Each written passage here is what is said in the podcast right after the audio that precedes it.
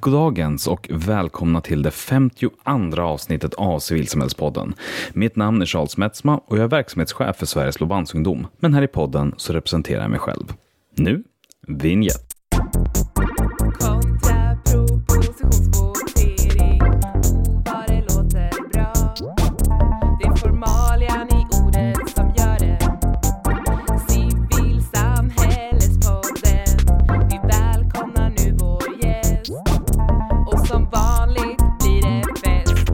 Sitter jag här tillsammans med Thomas Hultman som är projektledare för HEL, Hållbart engagemang och ledarskap. Goddagens! Goddagens, kul att vara här.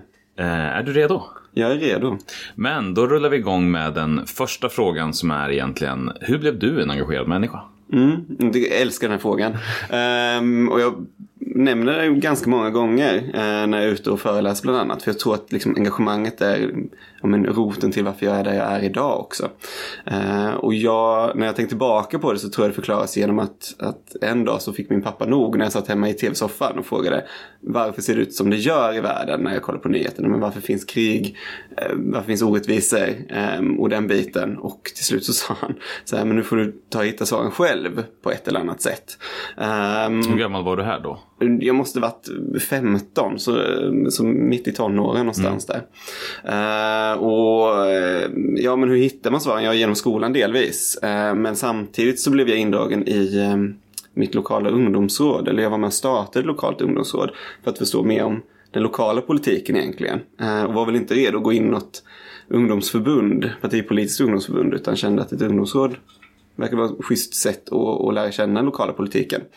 Så då var det jag och några kompisar som drog ihop eh, starten till ett ungdomsråd. Men hur hade ni fått informationen om den möjligheten då? Det var eh, faktiskt en eh, kanslianställd på eh, kommunkontoret som, eh, som eh, ville införa en starkare medborgardialog. Och det är de också såg nyttan i att möta ungdomar. Så då, då fick vi förfrågan om vi ville vara med och dra igång det. Så då körde vi. Mm. Och hur fortsätter banan sen då?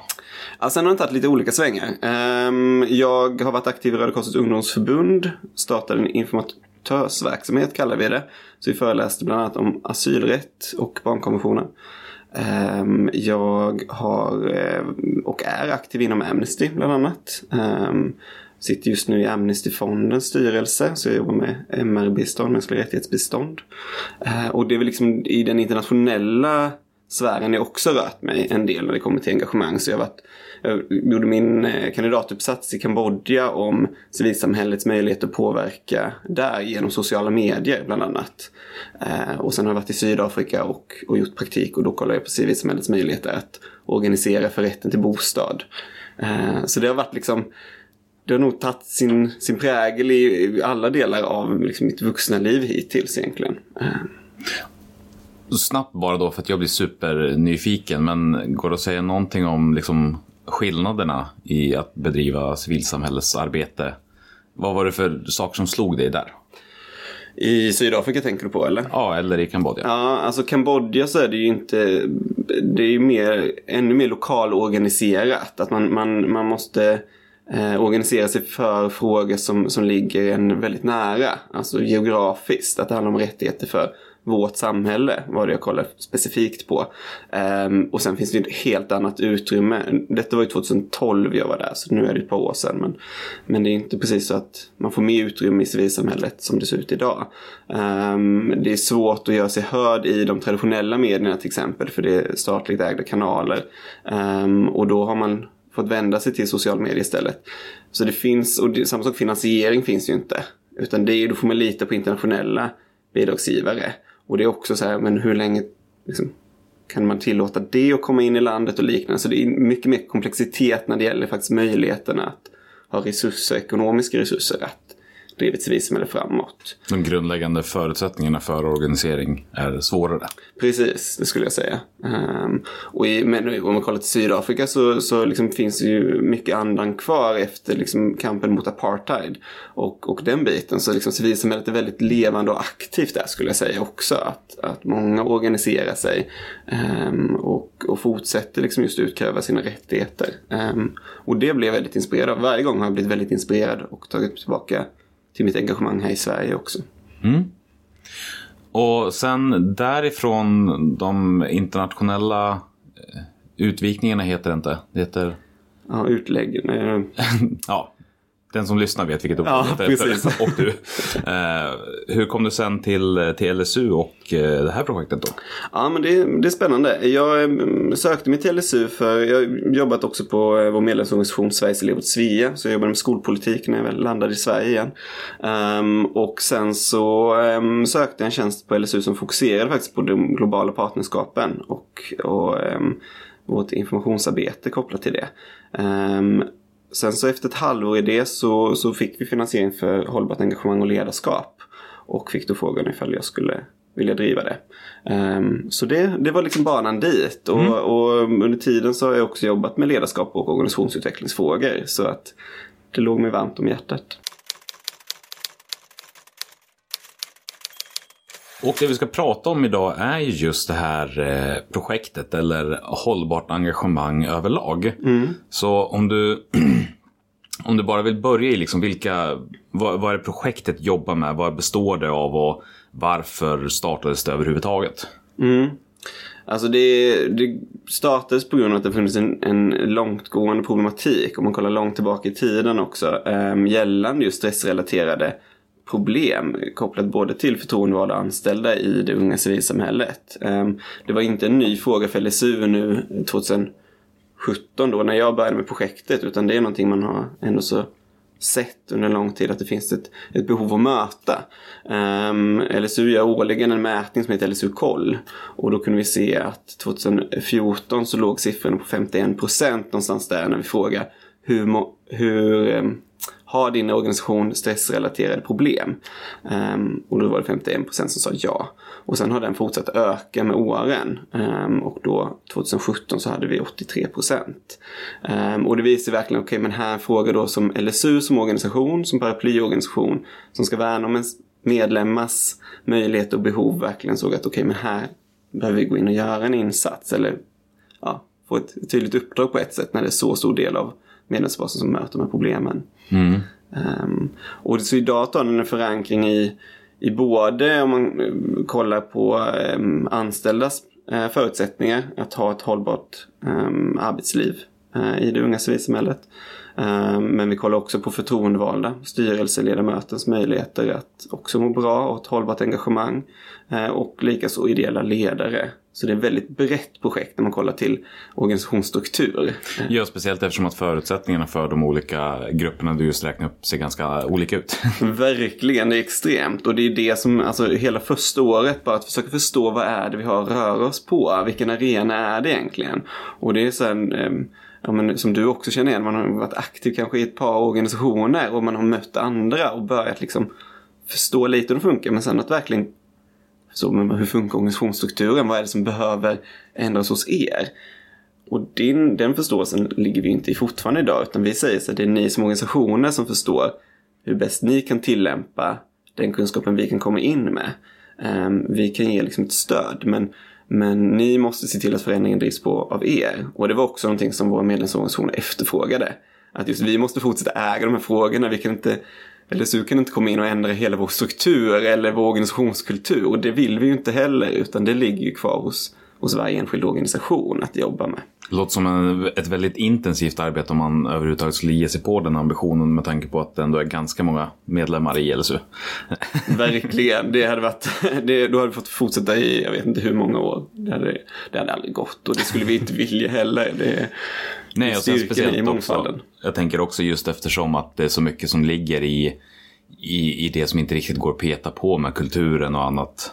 Eh, Så hur, eh, hur ett eh, engagemang får ta sig uttryck eller tar sig uttryck. Att det liksom inte det hade blivit väldigt konstigt och liksom överförmyndande aktigt att gå in och säga att Nej, men nu får inte du längre liksom, uttrycka dig på det här sättet eller tycka att det är viktigt att du gör det här på kvällen. Precis, Nej, men så är det verkligen. Ehm, men, men vad är det ni gör då rent praktiskt i projektet? Är det bara det här kunskapsinsamlandet då? Nej, ehm, men det är en stor del av det. Ehm, och det är vi glada för att kunna göra för att det är så himla lätt att säga så, okej vi har ett problem. Men att hitta nulägesanalys, vad är det faktiskt det här problemet består av? Och när det gäller frågor som rör den psykiska hälsan och, och när det är liksom just kopplat till negativ stress då är, och organisationer, då, då tar det liksom tid att förstå det och, och analysera. Så det är en stor del med det kunskapsinhämtande och det har vi sagt att det är liksom löpande hela tiden. För det är liksom, ja, som sagt, det är ingen, det är ingen lätt sak att förstå. Um, men sen så har vi också ett utbildningsprogram som sträcker sig under en tio månaders period ungefär som heter hållbar organisering. Och det handlar just om att, att eh, organisationer kan söka till det programmet och få då verktyg att kunna göra delvis en nulägesanalys. Vad är vi idag? Men också få ett stöd genom bland annat organisatoriska eh, handledare till hur kan vi förändra och vad är det vi vill förändra och hur når vi den det målet som vi har kopplat till, till den förändringsresan. Um, och så det handlar om en organisatorisk förändringsprocess helt enkelt. Och det är upp till organisationen att äga det. Så att vi har sagt att um, första året var det tre deltagare från varje organisation. I år är det två. Det är också just det där lärandeprocessen. Vilka förutsättningar har organisationerna? Hur mycket resurser kan de lägga in i en sån här? Ja, för det var det jag hörde lite grann från olika håll att det var ju ett väldigt resursintensivt, eh, en, en väldigt resursintensiv kurs att delta i. Mm. Just eftersom att det var många tillfällen, många personer och det ändå behövde gå så pass mycket på djupet. Precis, och det har vi också sagt att det här måste man som organisation göra prioriteringen. Kan vi göra detta? Är detta någonting vi vill göra nu? Och det är ju lägga grunden möjligtvis till en mycket mer hållbar organisation. Men då måste, och det är just det där rimliga krav, rimliga förväntningar. Det är någonting vi jobbar väldigt mycket med. Och det skulle ju vara ett misslyckande om vi själva inte kommunicerar det heller. Uh, så det är bra att, att det ens kommer fram. Um, samtidigt som, som jag hoppas att man får ut väldigt mycket av det när man väl går in i det också. Uh, problemet då, om man eh, liksom är i behovet mm. av någonting, det är ju just att man ofta får ett avsmalnat perspektiv och inte riktigt kan prioritera rätt. Så att det blir ju... det är verkligen det man jobbar med och det är, det är ju det som är viktigt att kunna ta ett steg tillbaka och se okej, okay, det är en kunskapsinhämtning, det är ett stöd vi kan få nu för att det är det vi också sagt att så här, det är fantastiskt att vi under de här åren kan komma in och ge ett stöd, ett externt stöd till en organisation där man annars kanske bara resurser som man ser finns inom organisationen. Att man inte har råd att plocka in en extern konsult för att göra ett uppdrag. Här får man då en, en handledare som kommer in utifrån och kan komma med ett utifrån perspektiv och finnas där som ett stöd eh, för organisationen. Um, så det är liksom också se möjligheten i det. Ja, det kräver mycket av en organisation att gå in i resursmängd. Men det är också, man får mycket resurser tillbaka. Um, så det är, det är jättekul att kunna erbjuda det också um, och vara med som ett stöd. Men omgång två är på gång precis nu när vi spelar in eller? Precis, det håller på nu och nu är vi inne på sista projektåret. Mm. Så det är ett treårigt projekt som håller på att avslutas nu. Så det är, det är liksom att ta lärdomar vidare sen. För vad har vi lärt oss delvis också från det här utbildningsprogrammet? Och kan vi paketera om det för att det ska liksom möjliggöras sen eh, också efter projektet avslutas och på vilket sätt. Så att metoder finns där, kunskap finns där för att det är ju någonting som måste fortgå. Um, så det är, det är också en stor del av projektet. Um, och sen så är det att också um, vara med och, och, i samhällsdebatten kring de här frågorna också. Kolla på vilka förutsättningar vi har. Vad, vad behöver vi i, liksom för samhällsanalys på de här frågorna också. För att delvis också som en medlemsorganisation förstå och också för LSU förstå vad, vad är samhället idag? Um, och varför finns det en, liksom en större och mer utbredd problematik kopplat till psykiska eh, ohälsoproblem bland unga idag. Um, men är det någonting som är kopplat till liksom organisationerna i sig eh, i stort att, att just den här psykiska ohälsan finns utbredd och hur organisationerna fungerar eller är det någonting som är eh, generellt? Jag såg bara precis innan du trillade mm. in här så, så läste jag igenom nyhetsbrevet från MUCF där de lanserade Ung idag. Mm. Precis. Eh, där liksom då nära nog hälften har upplevt någon typ av psykosomatiska besvär mm. alltså av unga det, det senaste halvåret. Mm. Eh, och då får man ju tvärsnitt på hela befolkningen. Mm. Så liksom hur mycket är det organisationer och hur mycket är det någonting som ligger i tiden? Alltså det är det vi säger att det ligger väl i tiden framför allt. Men det är ju som en organisation som jobbar med unga så måste man ju orientera sig kring det också, eller i det. Um, och det är just det vi försöker liksom på ett sätt vara med och, och se till. Okej, okay, men vad är det som sagt vi som organisation kan kan göra detta för att skapa en hälsofrämjande miljö till exempel. Hur kan vi liksom se till detta? Och, och också märker vi att många organisationer är de som möter den här ohälsan också. Att man kanske är den mötesplatsen där man får ett uttryck för sin, eh, sin oro, sin ångest. Um, och den biten är också viktig att ta i. Alltså så här, vad innebär det för en, för en ungdomsledare som är ideell? Som inte kanske har någon, någon utbildning i att ta i de här frågorna. Att också vara den som möter det här. Att det också kan vara någonting som leder till en ohälsa hos den personen. Och liksom, då är det nog en historisk fråga helt plötsligt. Um, att att liksom förhålla sig till. Um, men det är inte, vi, vi, kan ju inte se, vi kan inte separera de frågorna helt och hållet från varandra. Alltså, de som är ideellt aktiva i vår organisation och unga generellt. Utan det... Nej, eftersom att det är samma människor. Precis, ja men så är det ju. Eh, men om vi backar tillbaka lite grann. Alltså just utifrån det att du sa att är mycket kunskapsinhämtande. Mm. Vad, eh, vad är det för lärdomar som ni har dragit kring då eh, psykisk hälsa i organisationer? Um, ja men det, de är många. Uh, bland annat bara det här hur skiljer sig åt när det är anställda och förtroendevalda, vilka förutsättningar har de olika gruppen i en organisation, om man nu har anställda eller inte i en organisation också. Eh, men om man kollar till liksom förtroendevalda specifikt så är det så här, men varför, vad händer när man blir förtroendevald på nationell nivå? För det kan man också vara tydlig med att vi jobbar på nationell nivå med ungdomsorganisering. Ehm, och varför har vi sett att det finns ehm, unga förtroendevalda som, som mår dåligt på grund av sitt ideella engagemang i en, i en styrelse eller liknande på nationell nivå. Och då är det ju så här, ja, men då, då är det först att kartlägga att säga, ja, men då kan man se att det är till exempel frågan om nåbarhet, det påverkar väldigt mycket Alltså hur tillgänglig man är att ta emot kommunikation. Precis, precis. Att det, det påverkar mycket och utgör en stor del av ens, ens uppdrag. Um, och det är ju någonting man måste förhålla sig till till exempel. Uh, det betyder inte att det behöver vara negativt utan det, så här, ja, det kanske är en realistisk förväntan som man ska ha på sitt uppdrag och, och ett krav på ett sätt. Um, men man måste ju veta om det och medvetengöra det. Okej, okay, det kommer ta mycket tid i nåbarhet. Um, och det var som en ordförande sa till mig när vi gjorde en av många djupintervjuer som bara, ja det förväntas av mig. Men det gör också att jag förhåller mig till det. Då får ju resten av styrelsen agera på de frågorna jag inte inne med. För att jag fungerar som någon kommunikationshubb. För att alla vänder sig till ordförande i frågor, ja då, då är det det jag gör mm. egentligen. Um, så det är liksom så här att, att se just att så här, men det här finns. Att så här, okej, okay, detta är det vi har att förhålla oss till. Sen så lösningar får man bygga på sen efter. Men också det här med omsättning av ideella har vi ju sett och det, det kanske du också känner igen. Men att det blir ett hög rotation på ideella.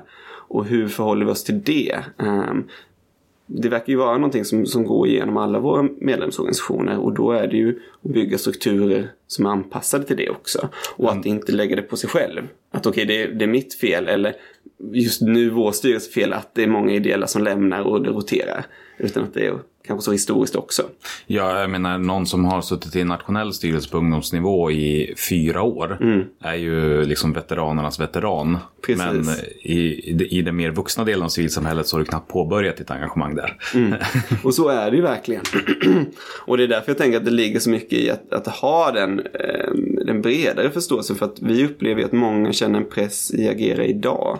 Ehm, och man förhåller sig bara till dagsläget. Men, och det blir det ju när man har så korta perioder i en organisation.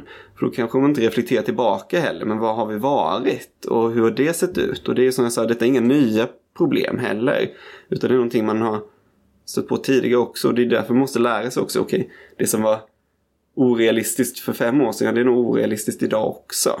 Och det, någon gång måste vi se till, men hur skapar vi det realistiska då? I vårt förhållningssätt. Um, så det är väl det som är kopplat just det du sa till psykisk hälsa, att skapa någon realistisk bild vad som är möjligt utan att tappa visionen. Mm. På ett sätt. Alltså så här, det är nog den balansen vi jobbar väldigt mycket med i det här projektet. Att så här, ta ner realistiska krav och förväntningar på ett sätt. Men man måste fortfarande få känna ett engagemang och känna att det går att förändra. Visionen kanske fortfarande står kvar som en, en, en, svåruppnådd vision. Ja, och kanske mer liksom då se det som eh, att jag kommer vara en liten del i en lång radda av människor som liksom bidrar snarare än att det är mitt uppdrag att lösa det. Precis, det är väl det. Och se så här, men okej, men vad kan jag få bekräftelse av under min tid i den här organisationen? Vad är det som jag kan ge nu och varför har jag ett engagemang? Och det jag gör kommer bidra till det här. Det som jag sagt, eh, vi kollade också på siffror um, när vi gjorde en, en SIFO-studie för två år sedan. Eh, så kollade vi på sömnproblematiken kopplad till, till sitt uppdrag. Och då var det eh, en tredjedel ungefär av både de anställda och de förtroendevalda upplevde att de eh, får sin sömn störd när de tänker på sitt jobb. Ehm, och, ehm, och det är ju ett jättestort problem. Och jag tänker det, men, men som både anställd och förtroendevald så ska du vara nöjd när du tänker på ditt uppdrag eller ditt arbete när du går och lägger dig. Speciellt om det är ditt engagemang, ditt ideella tid. Då är det ju det är då du ska kunna njuta av det. Bara shit, jag har bidragit till en samhällsförbättring. Då ska jag ju sova jättegott. Inte få något stöd av det. Ehm, och där ligger också någonting i det, att se till att jag bidrar ändå. Och meningsfullheten ligger ju väldigt nära där. Men, men är det liksom på ett personligt plan att, att bli mer nöjd över vad man har åstadkommit? Alltså, eller tolkar jag det rätt då? Till viss del tror jag. Alltså det, där tror jag det ligger ganska mycket och på organisatorisk nivå också. Att man som organisation ska också bekräfta att det vi gör är bra. Um, det möter vi också av. Och man, och det kan man möta både på organisatorisk nivå och på individnivå. Men det här att det blir lätt att bli kritiserad. Att mötas av kritik. Om vi tar ett årsmöte till exempel. som Det blir väldigt tydligt att det är ofta så här. Ja, men varför har ni inte gjort det här? Eller nådde ni inte den här delen i verksamhetsplanen? Eh, och man är beredd på att få den kritiken. Man förbereder sig mer troligtvis på att få kritik. Det är min egen erfarenhet också.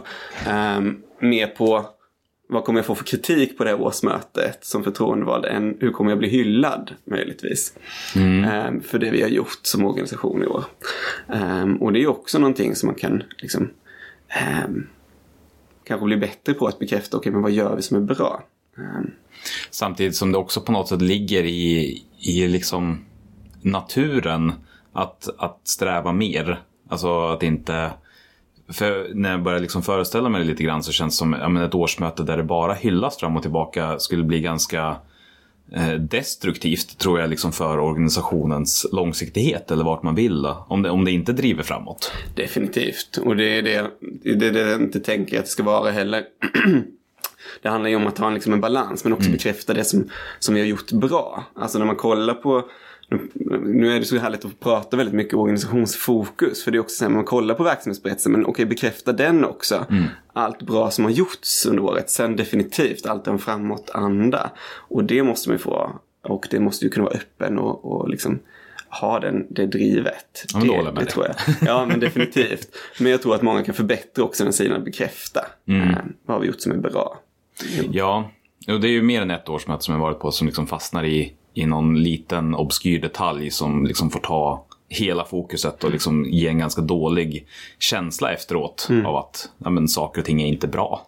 Trots att man har åstadkommit hur mycket som helst. Men precis. Och det är det jag tror jag tycker det är så intressant. För vi var ute och, och mötte några. Jag sa att vi jobbar framförallt på nationell nivå för att det är liksom eh, där vår medlemsbas är. Men vi måste eh, också i det här projektet vi utgått från okay, vi måste ha någon sorts förståelse för det lokala engagemanget för att ändå förstå hela organisationen. Så jag och en kollega var ute och eh, träffade, eh, eller ja, vi var flera kollegor som var ute i, i omgång och träffade ideella ledare på lokal nivå. Um, och det var spännande också att se, liksom, det, det, när vi ställde samma fråga i tre timmar så ställde vi bara frågor egentligen. Vi hade fokusgrupp och gav inga svar. Um, utan bara frågor som, men vad är, vad är hållbart engagemang för dig? Vad är ohållbart engagemang? Um, och just att när vi jämförde då på lokal nivå och nationell nivå så fanns en, en annan social gemenskap som drev på lokal nivå. Um, och att man fick bekräftelse i det och att man brann för sakfrågan och för göra aktiviteten. Och att det var, det var svårt att resonera kring ens engagemang som ohållbart. Man kunde resonera kring andra saker som ohållbara i sitt liv. Um, till exempel skola eller arbete. Men just ens engagemang var ganska um, tydligt kopplat till att det gav lust framåt och liksom gav ett utrymme för att utöva just sitt engagemang. För att på lokal nivå så handlar det så mycket mer om, om det lustdrivna. Precis. Alltså, ja. ja. Och, och, och sen när man kollar på mm. nationell nivå så, så är det så mycket tydligare att kolla på just det ohållbara också i det. Där resonerar man kring den biten. Och det är ju vi har inte hittat något, något färdigt svar på det men det, jag tycker det är en sån intressant dynamik att plocka in. Men hur kan man då ta det här lokala som är väldigt lustfyllt in till det nationella också? Att det ska fortsätta få vara lustfyllt. Delvis så blir det ett större ansvar kan vi se på, på nationell nivå. Men att det lustfyllda i ens, i ens ideella engagemang är mm. spännande att få plocka vidare.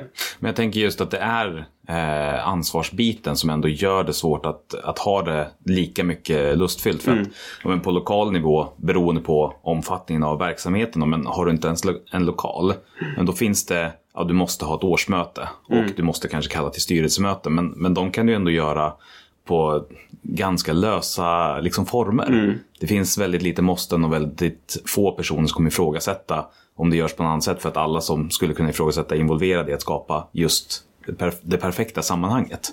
Definitivt. Definitivt. Det är ju helt olika utmaningar man står inför. Det är det ju. Ehm, och det är ju därför man, man måste se till också, som sagt, vilka resurser har man kopplat till det. Men just att det ändå ska kännas lustfyllt är viktigt på ett sätt också. För det är ju ens, ens ideella tid du lägger ner på det. Ehm, och att de här utmaningarna ändå så Ja, de behöver inte alla kännas lustfyllda, men att du ändå så känner ett driv. Att det finns en anledning till att jag sitter här, att jag gör detta som känns roligt och utvecklande eller inspirerande eller just utmanande på ett bra sätt.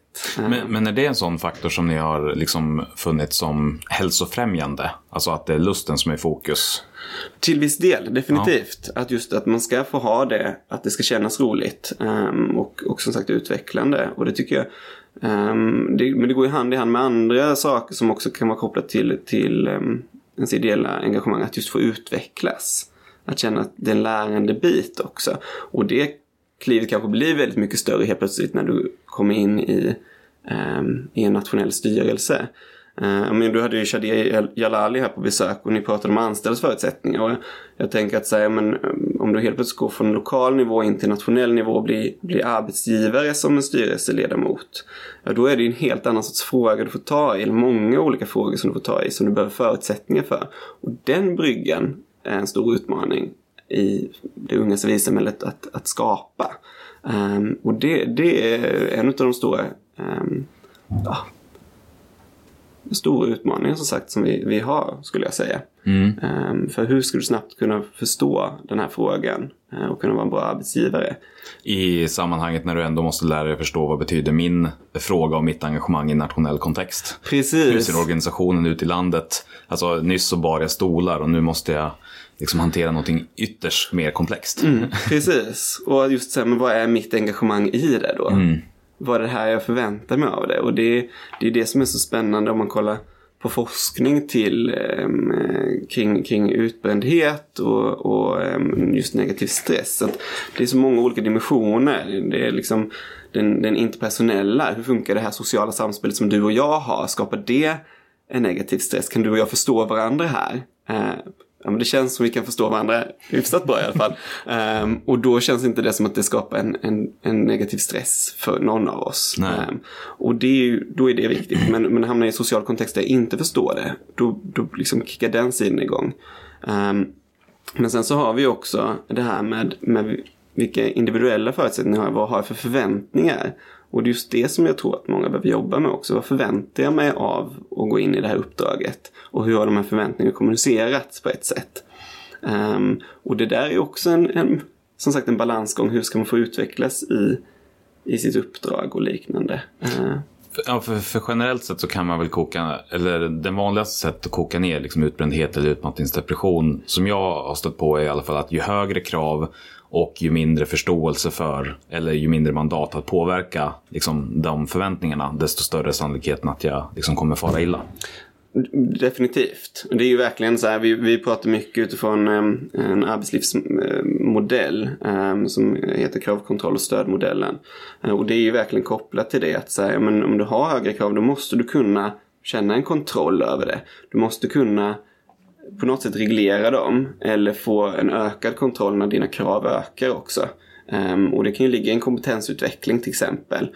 Men det kan också vara ett förtydligat mandat i vad kan jag göra. Um, kan jag prioritera bort saker? Om nu kravlistan ökar, men kan jag vara den som plockar bort? Eller vem är det som plockar bort? Och veta det. Um, är det först när jag träffar på årsmötet som jag kan be våra medlemmar plocka bort? Eller har jag i vår styrelse, vi som sammansatt grupp, en möjlighet att plocka bort en del av det här kravet för att de ska bli realistiska utefter den förutsättning vi har. Ja, och den eh, speciellt, eh, jag upplevde i alla fall väldigt mycket av den ensamheten eh, som heltidsarvoderat när man hamnade väldigt mycket mellan allting eftersom att det ändå var ett uppdrag på heltid så fanns det stor frihet och möjlighet att liksom forma och göra själv vad man tyckte. Styrelse som man träffade varannan månad, ett årsmöte som man träffade en gång och sen liksom ingenstans fanns det riktigt någon att svara mot. Men just där så hade jag förmånen att vara heltidsarvoderad tillsammans med någon. Så vi hade ju det. liksom det ensammaste uppdraget tillsammans i alla fall. Eh, Men det gav ändå en försmak av liksom, hur svårt det är eh, att trots att vara så omgiven av väldigt mycket så blir det väldigt ensamt. Och alla de här avvägningarna, alltså inte bara svåra beslut, liksom ska vi satsa på det här eller det här, utan också vad har jag för mandat eller vad har jag för någonting. För att det som står skrivet är ju, ja, det går att tolka lite vad som helst oftast. Även om det tycks tydligt, så när man liksom ska omsätta det i praktik så blir det ju väldigt mycket egna bedömningar. Verkligen. Men var det styrelsen som satte era vurdering eller var det årsmötet som satte? Årsmötet. Okej. Ja, så då kunde ni inte hitta något stöd från, från styrelsen heller i prioriteringen? Ah, Okej, spännande. Så um, praktiskt och formellt så var min chef eh, 100 personer som jag träffade en gång om året. Just det, just det.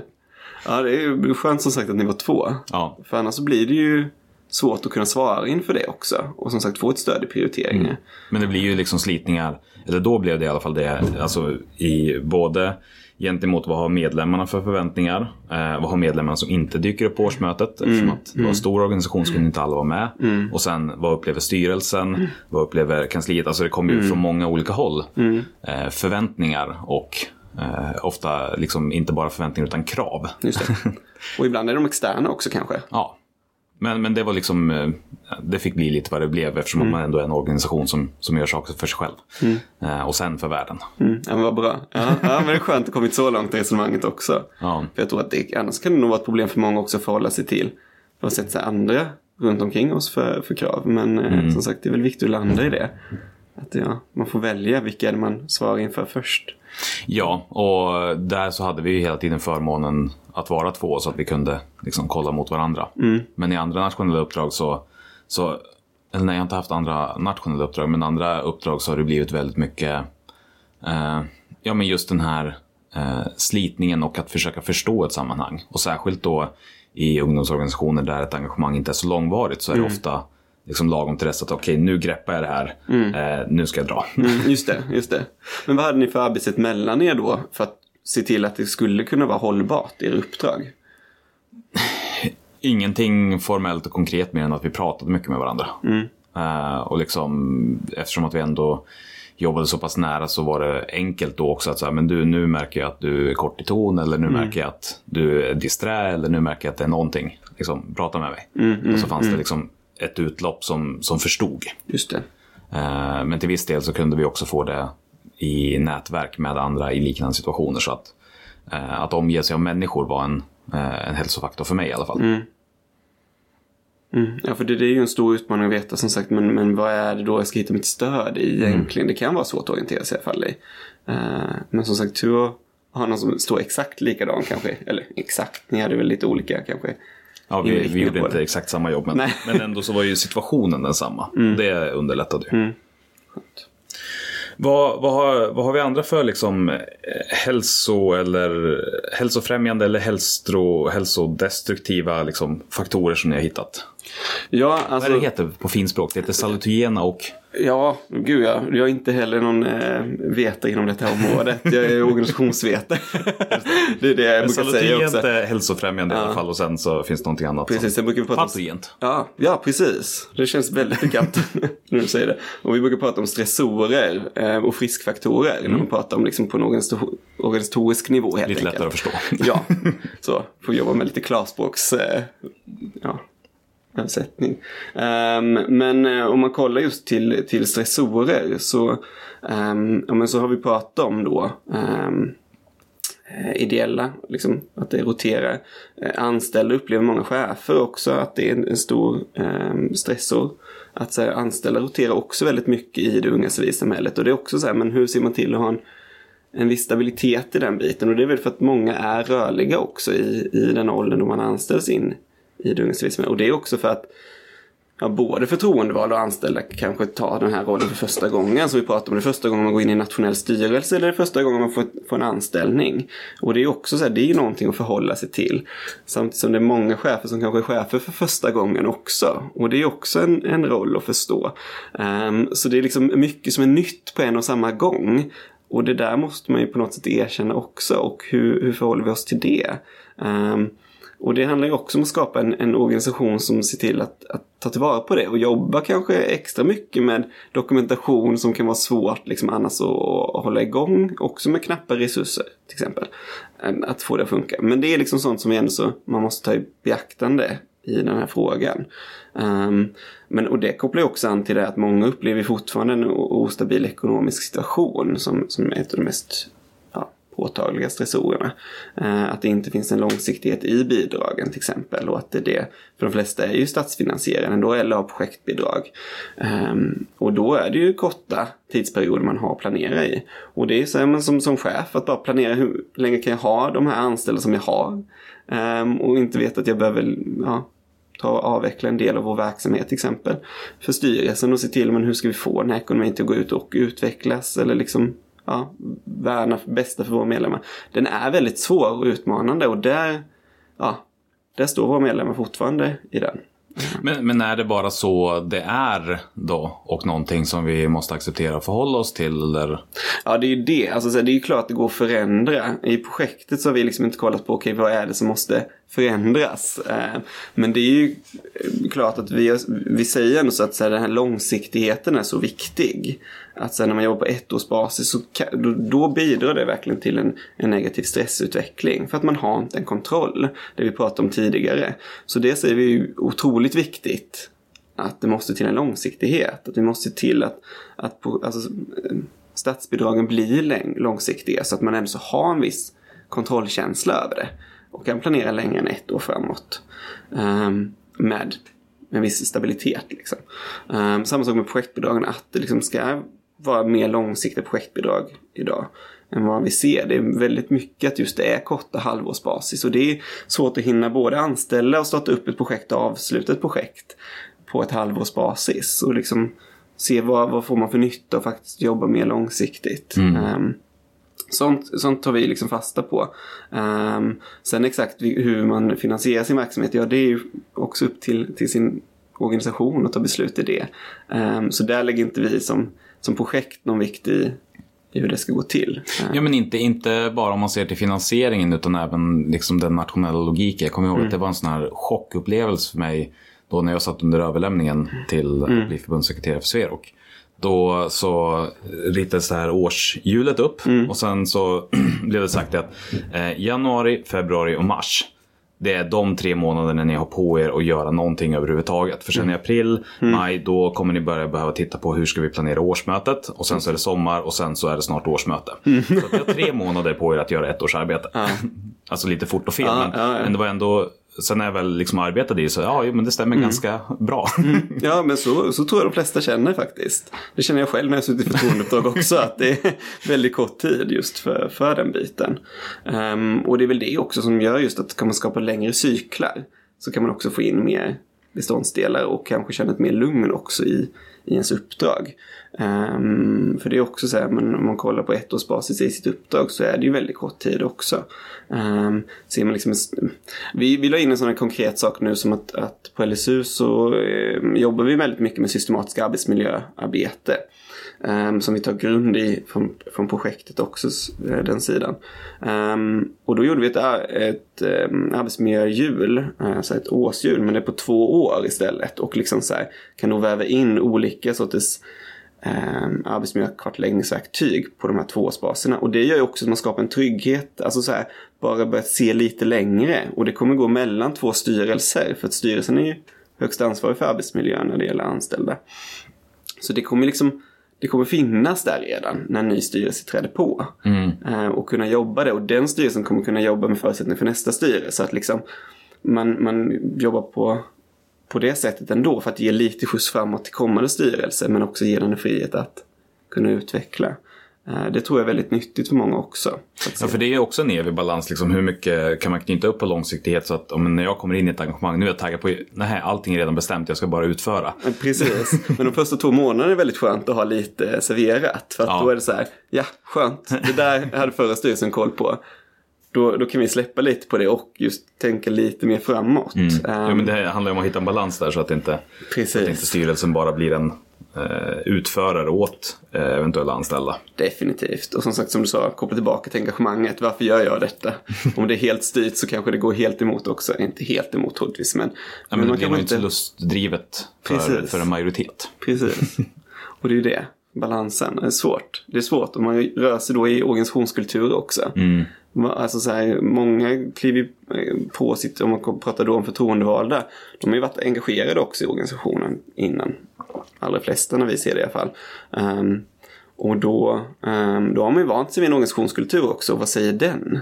Ehm, och då är det också så här, då kanske man är van vid att man ska ha ett stort inflytande i sin ideella roll till exempel. Och sen kommer det in styrelsen och då är den redan styrd av förra styrelsen. Ja, då går inte det ihop. Så det är klart att man måste verkligen ehm, kolla till sammanhanget och förstå den också. Och också att komma in i och lära sig Alltså om man nu har de här tre första månaderna på sig innan man börjar titta på nästa år. Så är det ganska kort startsträcka. Man har möjligheten till att bara förstå hela komplexiteten också. Så det är väldigt jag har upplevt många personer som har känt sig väldigt låsta och liksom inte fått möjligheten att förstå vad förväntas av mig och hur, hur ska jag kunna göra mitt jobb på ett bra sätt. Därför att lagom till dess att man har hunnit förstå det så är det slut.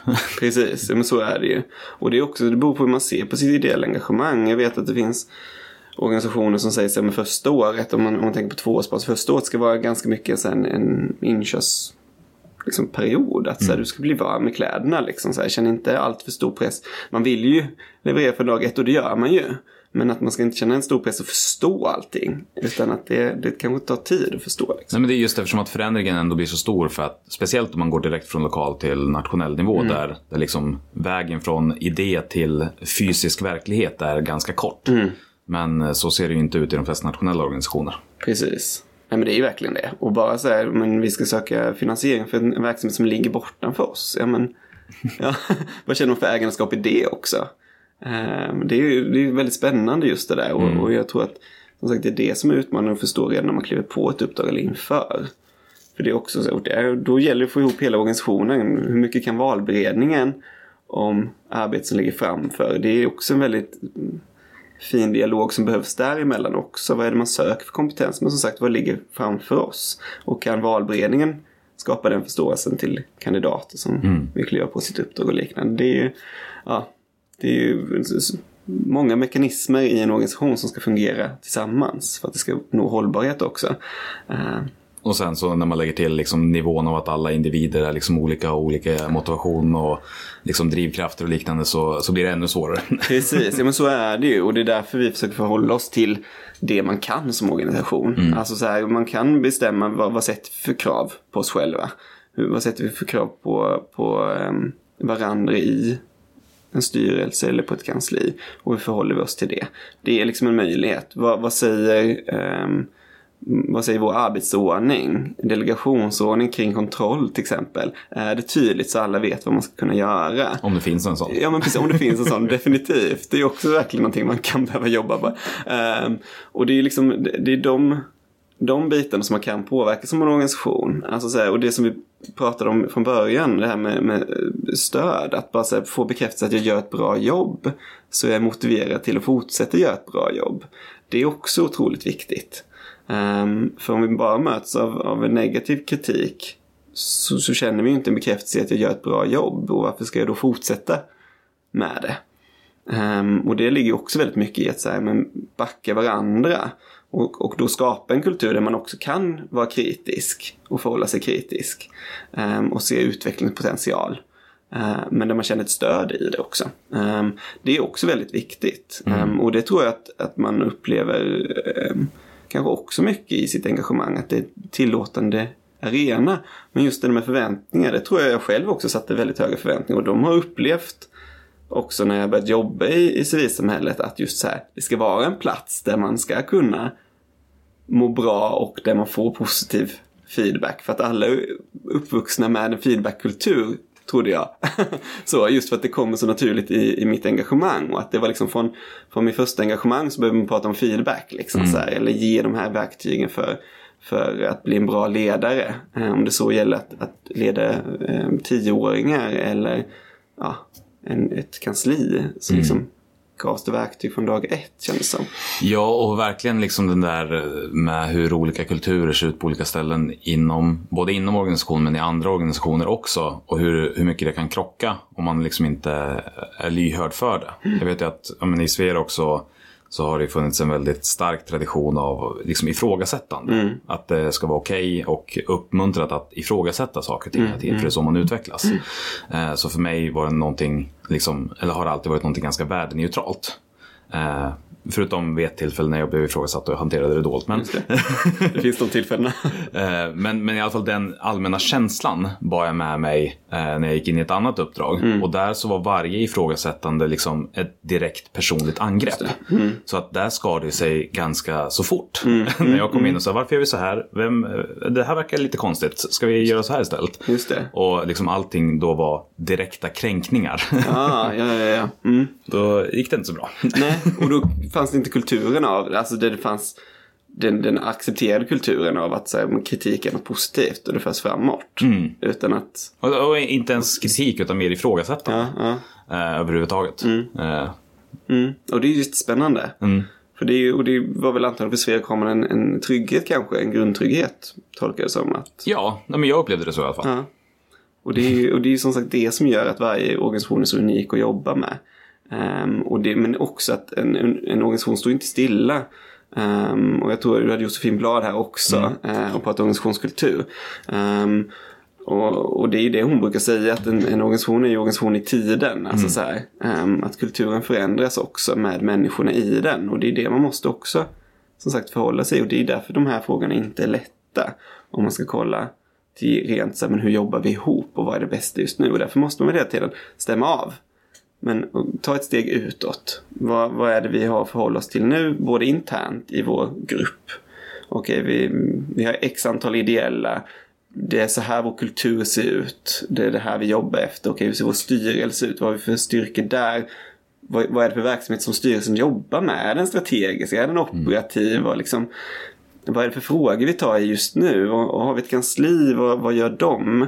Och då måste fundera på det här, men vad är hållbart för vår verksamhet? Ja, och speciellt liksom i, i kontexten av ungdomsrörelsen så är det ju det extra särskilt eftersom att ja, på en 5-10 års period så är det ganska stor sannolikhet att ingen människa är kvar. Precis, ja, men så är det ju.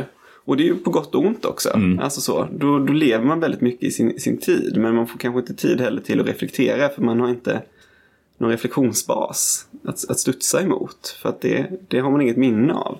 Ehm, och den, den, som sagt, som vi pratade om innan, den Dimensionen tror jag är väldigt viktig för att också känna sig hållbar på ett sätt. Att vi har gjort verksamhet som sträcker sig väldigt långt tillbaka och den har bidragit till en bättre samhällsutveckling och vi fortsätter göra det. Och det är det som är så värdefullt att kolla tillbaka. Eh, vad var Sverok för tio år sedan? Vad har liksom förändrats på den tiden? Eh, det, jag tänker att det kanske ni reflekterade kring också. Ja, men, men den frågan har blivit ännu mer aktuell nu på min nya arbetsplats på Sveriges Förbandsungdom det. som liksom grundades 1907. Ja, som liksom verkligen har lång historia av olika slag och många olika faser. Mm. Alltså, eftersom att samhället har förändrats ganska mycket de senaste Mm. dryga hundra åren. nej men såklart. Och då är det så här, ja, men då funkar ju inte kanske det som var back in the days liksom, i dagens samhälle. För att då hade det kanske inte funnits idag. Men vet om man hade stått kvar vid samma, samma fråga. Eller ja, frågan kanske är densamma men samma metoder. Ehm, och det är ju och det är svårt att förhålla sig till samtidigt som man kan inte springa på varje ny boll som heller dyker upp. Och det ja, det är det, det alltid orientera sig i. Ja. Ehm, vad kan man göra och vad kan man inte göra? Var det några andra stressorer som, som ni har liksom eh, uppmärksammat som man, som man som engagerad själv bör liksom hålla ett öga efter? Ja, ehm, definitivt. Alltså så här, det här ehm, som vi pratade om innan med förväntningar. Det är verkligen en, en grund. Alltså så här, är de uttalade? Ehm, för jag tror att många, det har vi också sett då att det är ungefär 40% som säger att de har orealistiska krav på sig själva. Och då är det så, men var kommer de här kraven ifrån? Och om du vet att de är orealistiska då... Varför har du dem kvar? Precis, och hur får vi dem till att bli realistiska? Så de är, det är väldigt positivt att man har liksom lagt märke till det, att de är orealistiska. För jag tror att då, måste, då kan man ta tag i dem också. Ehm, och det tror jag är framförallt kopplat till liksom ledarskapet, att man ställer väldigt mycket krav på sig själv utifrån det. Och det kan finnas väldigt stora förväntningar. Um, man ska finnas tillgänglig som sagt, man ska vara inlyssnande, man ska kunna förstå. Um, och, och det är just det där att, att hitta då, men hur gör vi de här uttalade? Och kolla med dem så här, men de här tror jag har förväntningar på mig eller krav på mig. Okej, fråga dem, vad, vad, vad, vi, vad tycker du jag ska göra? Vad är dina förväntningar? Och liksom få ner dem på papper. Och få dem helt plötsligt visuella och säga så här, nej men det där, det där kommer jag aldrig göra. Eller det är inte realistiska. Eller jaha, det är det där jag ska göra. Okej, men allt som nu står på min lista, det hinner jag inte med. Då är det så här, men vad är det jag ska ta bort Mm. av de här förväntningarna, kraven? Samtidigt som det ofta är så stora liksom, komplexa frågor att det inte går att konkretisera ner. För att ska man liksom få ner det till eh, faktiska listor av eh, det här är exakt vad uppdraget innebär. Då så hinner man inte göra någonting heller för att man sitter och skapar det systemet. Precis, men man kan ställa kanske så många frågor som möjligt kring det för att förstå så mycket som möjligt i alla fall. Att så här, om någon säger så här, men jag förväntar mig att du är nåbar, ja men på vilket sätt, när då? Ehm, eller att du ska ta beslut, ja vilka sorters beslut är det du vill att jag ska ta? Är det alla lägen? För i så fall tror jag det är fel. du ska också kunna ta beslut i den rollen du har, kan man säga tillbaka då. Liksom så här, definiera den, ja, de frågorna helt enkelt. Ehm, för om vi bara går runt och tror att vi har enorma förväntningar på oss. Det är väl klart vi, vi em, kollapsar till slut. Em, det är ju det. Och det är bättre att synliggöra och ha någonting att ta i helt enkelt. Men det känns som att liksom, oavsett vad, eh, vad man än petar på för typ av problem i, i ideella föreningar och liknande så är alltid dialog liksom lösningen. Ja, på något det sätt. kan vara delvis det. Men också, och då kan jag ju kontra med någonting annat då. Det är ju rent krasst att skära bort Ja. vissa saker också. Jo, men det uppkommer ju då om man pratar så här, men, Precis. har jag 100 timmars jobb att göra Ja. Mm. per vecka? Ja, men det går ju inte. Men det såg jag inte innan för att det var bara en lista av saker Just som det, ska... nej precis. Ja, och dialog, men dialog är ett verktyg vi har också. Mm. Det är ju faktiskt det. Alltså så här, ehm, vi, vi bygger på demokrati och det bygger på di- dialog i sig i mångt och mycket. Att så här, ja, är vi överens? Konsensuskulturen är ju stor i Sverige också. Och det är det vi bygger på. Det är ju på gott och ont också. Att ja, men då, då bygger du på en förståelse. För annars kanske någon känner sig överkörd och då har man skapat en, en dålig kultur helt plötsligt. Att vi kör över folk här. Och det är alltid den där känslan. Och det, är ju det man får väga. Att så här, ja, man får skapa den dialogen. Jag tror att, att som ledare, ja, det är också man måste separera grupperna i en organisation. Alltså som chef så har du rätten att ta beslut också. Alltså så här, det har du fullt mandat. Det ska du fatta beslut. Och, um, och det är ju fast liksom. För att det, det är bara så. Helt enkelt. Medan som ordförande så är det ju så här. Men vad har jag för möjlighet att ta beslut här? Jag har inte större mandat än någon annan i styrelsen. Och då är det så här, ja men då måste man ha en dialog. Då måste man ha en diskussion kring ämnena. Eller har man fått en delegation att ta beslut i frågorna. eh, och då kan det vara tydligare. Eh, Tills du tar fel beslut. Precis, ja men så är det ju. Och det är ju liksom, och det är ju, men då handlar det om tillitsprincipen också. Att säga, men man får lita på, om man nu har gett den här delegeringsordningen och, och den ska vara fast. Så är det ju så att man måste ha tillit till den också. Och tillit till personen som blivit vald, att den tar beslut. Ehm, och det bygger ju på det också. Ja, och sen eh, förstå att ja, men, oavsett beslut så går det alltid att ändra i efterhand. Alltså, nästan alltid. Precis, Eh. så är det ju. Och vi måste kunna misslyckas ibland Ja. också. Det är det. Ehm, så, och det handlar ju inte om att ansvarslös och misslyckas är två olika saker också. Ehm, men vi alla måste få misslyckas då och då det, och lära sig av misstagen. Alltså vad är det man tar med sig av det? Man tar med sig väldigt mycket, tänker jag. Ja, men det är därför det finns med som en fråga också. För att liksom faktiskt visa att, att alla misslyckas på kontinuerlig basis. Precis, ja men så är det verkligen. Och det är ju det kan vara ganska skönt att misslyckas ibland kan jag tycka. Om man känner sig trygg där man får misslyckas också. Att då är det så här, okej, jag vågade, jag testade. Ehm, och det tror jag också är en utmaning för liksom, det unga civilsamhället som, som är mycket av en, en innovationsgrund liksom i samhället. Där vi testar nya metoder. Vi är mycket i framkant med, med olika diskussioner också. Um, och då kan man ju inte göra allt rätt från början. Uh, och då måste man misslyckas. Alltså det hör ju till också. Uh, men det är nog svårt uh, att känna en acceptans för den det misslyckandet ibland. Ja, och det måste ju också finnas en, en gemensam acceptans för det. Därför att ett misslyckande kan ju bara bli någonting positivt och en lärdom om man låter det vara det. För att så. annars kommer det ju bara vara liksom någonting destruktivt om man skammas eller liksom eh, på något sätt straffas för mm. att man inte lyckades göra rätt i det här extremt komplexa på en gång. Så är det verkligen. Verkligen. Och sen så, men om, om man kopplar till stressfaktorer också tillbaka. Och, nu hoppar jag från liksom, misslyckandet. Men då kan vi också se um, det ökade hot och hatet i, mm. i Sverige och polariseringen som sker. Och det är ju en jättestor utmaning för, för en hel del av våra medlemsorganisationer. Vi kan inte se exakt utbredning av det bland våra medlemsorganisationer. Men de som är utsatta blir verkligen utsatta och märker av det som um, ja, både fysiskt och digitalt och både verbalt och mentalt. Alltså på alla sätt. Um, och där är ju verkligen ett stort samhällsansvar att, att ta i de frågorna och se till att man ska kunna vara en trygg ehm, um, opinionsbildare även som en ung företrädare. Um, och, och där gäller det ju att, att verkligen samverka kring de frågorna. Att så, polisen är liksom införstådd i det.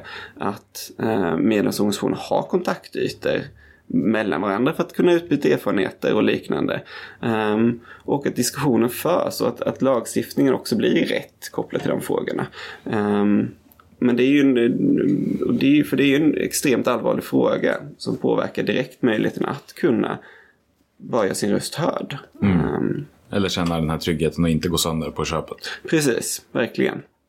och det är det är fruktansvärt det man ser idag. Mm. Um, och det är ju någonting som man måste jobba med både i Sverige och globalt. Um, men, men här i Sverige så, så har man ju varit vana vid att det ska finnas en, en sorts trygghet att man har en yttrandefrihet och möjlighet att kunna använda sig av möjligheten att påverka fysiskt på en plats. Liksom, så här. Att kunna stå för sina rättigheter. Men idag att så ha blir en man... lokal. Precis, jag har en lokal definitivt. Men idag så utsätts både lokaler och liksom människor för um, för fysiskt våld. Mm. Uh, bara för att de står upp för sina rättigheter. Um, och det, det är ju verkligen en av de frågorna som, som framkommer tydligt. Mm. Uh, och där finns det också en, en, mycket mer noggrann genomgång av det i avsnittet med Rosalind om Precis. krympande utrymme. Det är sant. För den som vill djupdyka i den frågan. Verkligen. Det är så kul nu när podden håller på ett tag när det hela tiden går att referera tillbaka oavsett vad man pratar om. Precis. Cirkelresonemang och allt. Då kan jag lägga in Anso också från Tilia. Om man vill lära sig mer om, om psykisk eh, hälsa och psykisk ohälsa. Um, också väldigt bra avsnitt. Skönt när du har bättre koll på mina avsnitt än vad jag har. ja, men det är bra. Man måste, man måste vara en hängiven lyssnare ibland. Ja. Men eh, finns det någonting annat som vi inte har pratat om som, eh, som känns angeläget och viktigt att, att lyfta fram? Nej, inte, inte i nuläget. Alltså de här frågorna kan man diskutera i all oändlighet ändå. Och som sagt, det är på varje organisations grund man måste stå när man diskuterar de här också. Eh, mm. För att se till att nå en, en hållbart engagemang i varje organisation. Så, ehm, så alla som lyssnar får gärna hugga tag i mig och, och fortsätta diskutera det eh, utanför poddmiljön. Och det finns ju också en hel del av den här sammanställda kunskapen på eh, www.hel.lsu.se, alltså HEL. Eh, där ja, men, eh, ni har haft lite stressfrukostar och annat. Precis, ja men verkligen. Både att det finns eh, mediematerial. Det vi har också en, en podd som man får gärna lyssna på. Det kommer släppas avsnitt under våren. Um, och sen så håller vi på att uppdatera vår metodbank där också. Den har varit en betaversion som har legat ut ett år nu. Och det kan jag också skicka med att vi som sagt tar lärdomar från från alla organisationer där ute. Så har ni en metod, ett arbetssätt, en policy som, som förhåller sig till hållbart engagemang så vill vi jättegärna ta del av den för att kunna sprida den kunskapen vidare. Um, så det är också det är någonting vi laddar upp på den här metodbanken. Um, så in och kika och skicka in material. Och, och nu kommer jag på någonting som vi borde ha sagt i början av avsnittet, eh, men som får komma i slutet. Så att du som lyssnade och kände att så här, det här berör inte mig överhuvudtaget, för jag är inte en del av ungdomsrörelsen. Du får gå tillbaka till början och lyssna om, för att de här eh, lärdomarna och tankarna går ju självklart att applicera på, på hela civilsamhället ändå. Definitivt. Definitivt. Det hade varit snyggare om det kom i början då.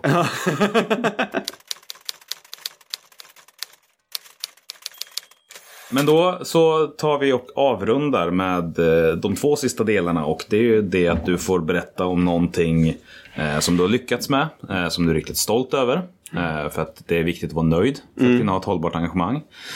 Och sen får du också då berätta om något misslyckande. Men där fokus vad du lärde dig om det eftersom att vi fokuserar inte destruktivt misslyckanden. För det är ju någonting som också är missgynnande för ett hållbart engagemang. Just det. Ja, men det är bra. Um, ja, det, är, det är spännande. Jag tycker det är svåra frågor på ett sätt. Uh, stolt över, alltså jag är sjukt stolt över det här projektet och det vi har gjort på de här två åren som har varit hittills. Um, och um, jag är stolt över alla som, som har varit en del av det. Det måste jag säga. För att vi är med och ändrar en enorm diskussion också kring de här frågorna.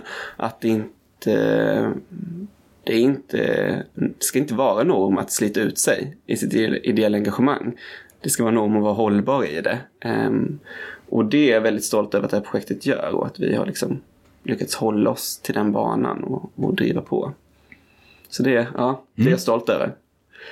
Um, ett misslyckande. Um, det finns uh, många små misslyckanden tänker jag. Uh, och stora. Um, jag Eh, men okej, kopplat till de här frågorna så, så misslyckades jag ju själv med att vara hållbar. Um, jag har själv fått en, en utmattningsdiagnos uh, när jag jobbade i projektet.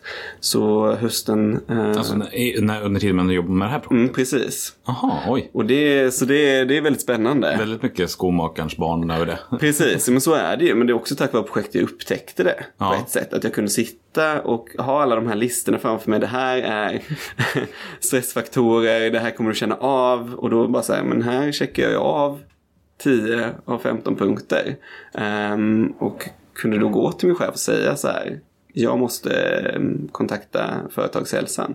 Um, för det, här, det funkar inte. Och det hade jag känt av innan också såklart. Det var inte bara den här listan. Men, men um, det var tack vare att jag kunde sitta och reflektera över detta som jag verkligen sa, okej men det är någonting som är fel.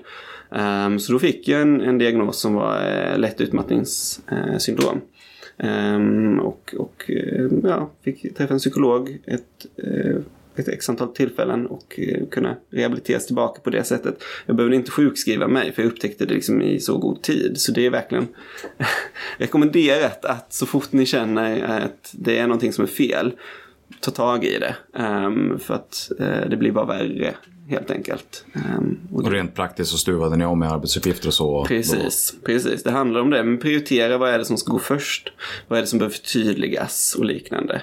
Och det var inte någonting som bottnar sig utifrån det här projektet enbart. Utan det är liksom nog ja, mitt arbetsliv hittills på ett sätt. Jag brukar säga att jag har haft nio chefer sedan jag flyttade till Stockholm för fem år sedan. Eh, så det är lite svårt att ha en kontinuerlig arbetsledning på det sättet till exempel. Eh, men, men idag trivs jag jättebra och liksom ehm, eh, och kommer tillbaka fullt ut. Men det var liksom misslyckat att själv kunna vara hållbar. Men idag tror jag jag lyckas med det. Definitivt. Ja, och det är ju ofta det. Det är många som har sagt det hittills i podden som har haft liknande erfarenheter. Att liksom signalerna fanns där, men man valde att blunda och köra på. Precis. Och det är så lätt. Och det är också sen, men så länge man kör på så går det bra. Men det är sen när man, om man stannar upp som det kapsejsar helt och hållet. Då slår det som hårdast. Ehm, och det betyder inte att man ska fortsätta köra på. Utan det är ju fel från början. Till slut kommer man komma dit i alla fall. Ehm, så det gäller att stanna upp och reflektera längs vägen också. Ehm, men vad var det som gjorde att du såg att det här var någonting liksom systematiskt och inte en, en tillfällig puckel? Ja, det, det, det tyckte jag var ganska ehm, talande för att jag satt ändå så och, och reflekterade över att så, men jag har, har inte så mycket i mitt liv som skulle kunna vara anledningen till det annars. Alltså så här, ja delvis att säga om man, flyttar till Stockholm är ganska ung, bostadssituationen är som den är, ja det bidrar också definitivt. Men det var framförallt att säga, men jag har ingen kontroll på mitt arbete. Mm. Så. ehm, vi har en, ett, en vision och syfte i projektet som är väldigt stort. Um, som det gäller att förstå. Och det tog också tid att förstå att okej, okay, men den måste vi bryta ner och, göra förstå, förstådd ehm, för alla oss som jobbar i projektet och liknande. Ehm, och sen var det så här, ja, men jag saknar många beståndsdelar som behövs för att kunna ha ett bra hållbart arbete. Och det är så här, ja, men tydlighet i vad är det jag ska göra, när jag förvänt vad är förväntningarna, när jag är klar för dagen egentligen eh, och liknande. Ehm, och det är mycket av det vi pratar om idag helt enkelt. Att de ligger där i. Man har kort tid på sig att genomföra någonting man måste leverera nu känns det som.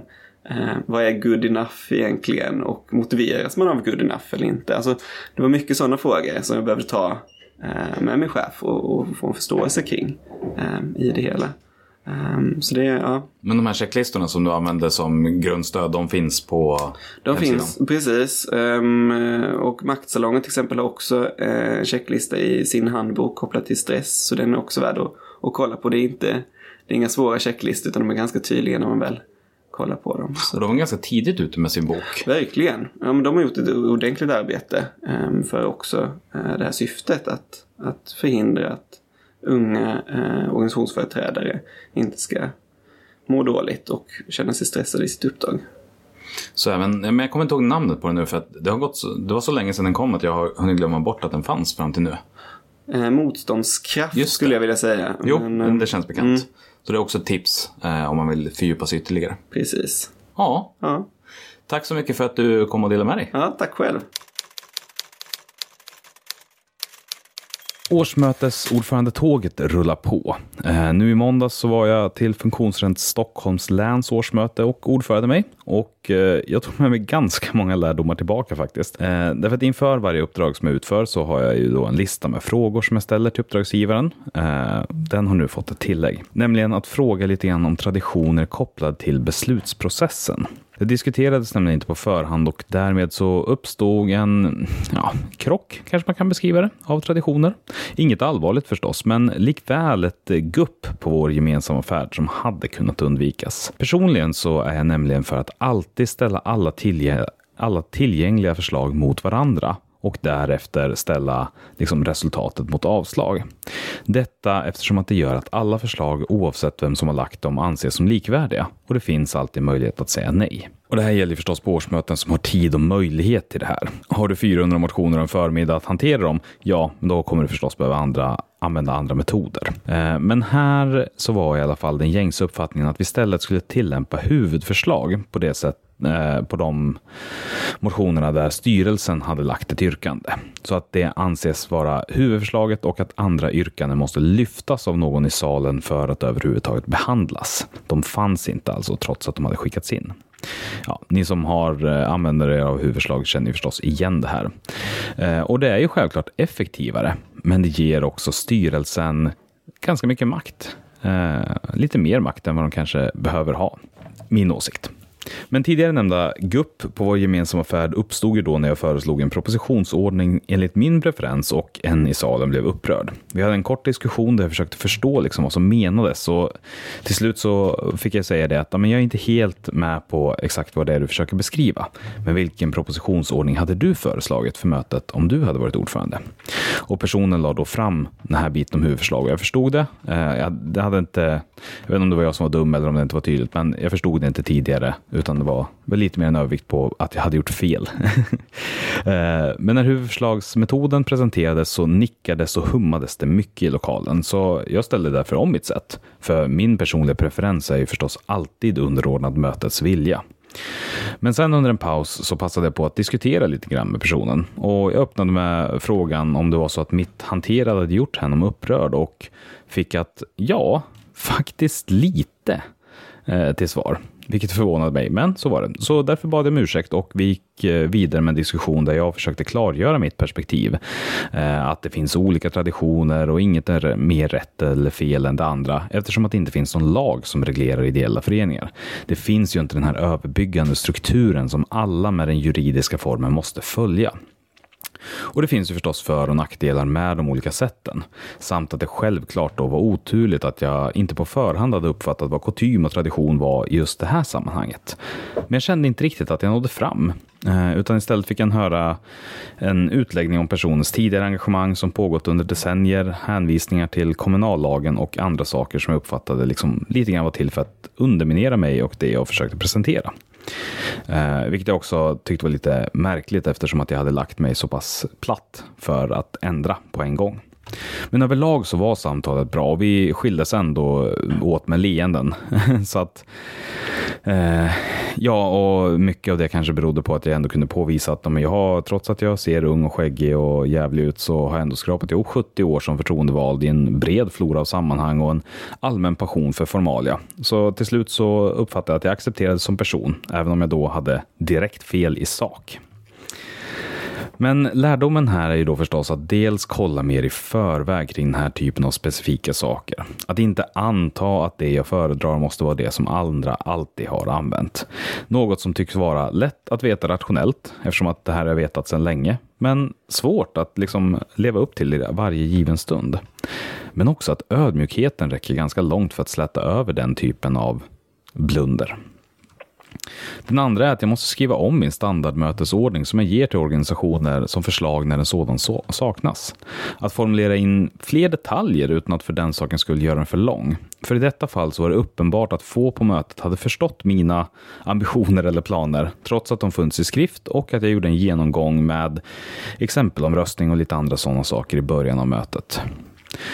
Och den sista lärdomen som eh, ja, lite grann har smugit sig på mig sedan jag gjorde utbildningen för Riksbyggen om att agera årsmötesordförande. Och det är alltså vikten av improvisation hur otroligt stor del av det hela det är. För oavsett hur förberedd jag är, oavsett hur många möten jag tidigare varit på eller ordförat, så uppstår hela tiden situationer som jag inte varit med om tidigare. Och då är jag alltid lika tacksam över att ha spelat teater, men kanske framförallt rollspel, rollspel som är kreativt problemlösande i grupp där allt är improviserat inom ett väldigt specifikt ramverk. Och igen, ödmjukheten. Alltså, satan vad viktigt det är att verkligen agera tillsammans med årsmötet och verkligen, verkligen välja när jag går in strikt och säger vad som gäller och när jag bara lägger mig platt och när jag gör någonting däremellan. För årsmötet måste lita på mig och jag måste lita på årsmötet. Det är verkligen en tillsammansaktivitet om något. Och jag vill också passa på, bara som en avslutning, att säga att även om jag nu väljer att zooma in på den här väldigt lilla detaljen så var det ett fantastiskt härligt årsmöte. Det var den absolut effektivaste eh, valberedningsval jag någonsin varit med om. De var väldigt noga, det är inte valberedning som nominerar, men likväl så hade det tisslat och tasslat så att det fanns ett förslag. Jag hann inte ens föredra punkten innan någon ville lyfta att det finns minsann personer som kandiderar till denna post. Eh, så det gick väldigt eh, smidigt, det var väldigt trevligt. Eh, också en ny upplevelse i att det var totalt fem tolkar på plats som på olika sätt hjälpte eh, mötesdeltagare att vara med och vara en del av processen. Så att eh, fantastiskt härligt årsmöte, men också Ja, nu när jag tänker efter, en sån sak som kanske är lite grann som skapar den här situationen också, är att jag är mer intresserad och van av årsmöten där man sätter liksom demokratin eh, Eh, man gör en ultraradikal tolkning av demokratin där det är viktigt med varje enskild medlems eh, röst. Här kändes det som att det var mer effektivitet, alltså fortfarande demokrati förstås, men mer effektiva möten där sånt som är förberett på förhand, det behöver bara klubbas igenom här för att vi har redan spenderat tid med att tröska och eh, behandla det här på andra sätt. Eh, det var en oerhört påläst skara. Det fanns liksom inga sådana knepigheter på det sättet, utan alla hade läst handlingarna och alla var där för att klubba igenom dem. Därför att mycket av det som skulle göras var redan färdigt. Det här var formalian att beta av det hela. Så det var också en spännande eh, erfarenhet. För att den typen av årsmöten har inte lett lika mycket som de här eh, myllans myller. Som man skulle kunna Ja, det får vara bra så. Hör av dig så hörs vi igen om två veckor. Och jag menar det verkligen. Alltså hör av dig om du tänker någonting. Det är så ofta jag träffar människor som säger någonting, men som inte hör av sig bara helt apropå ingenting. Och precis som förut, vill du vara med i podden, hör av dig till mig så pratar vi om det. Det är liksom ingenting du behöver vara rädd för. Jag tar en diskussion och så ser vi om det passar eller inte. Och antagligen så har du mycket mer att komma med än vad du själv tror.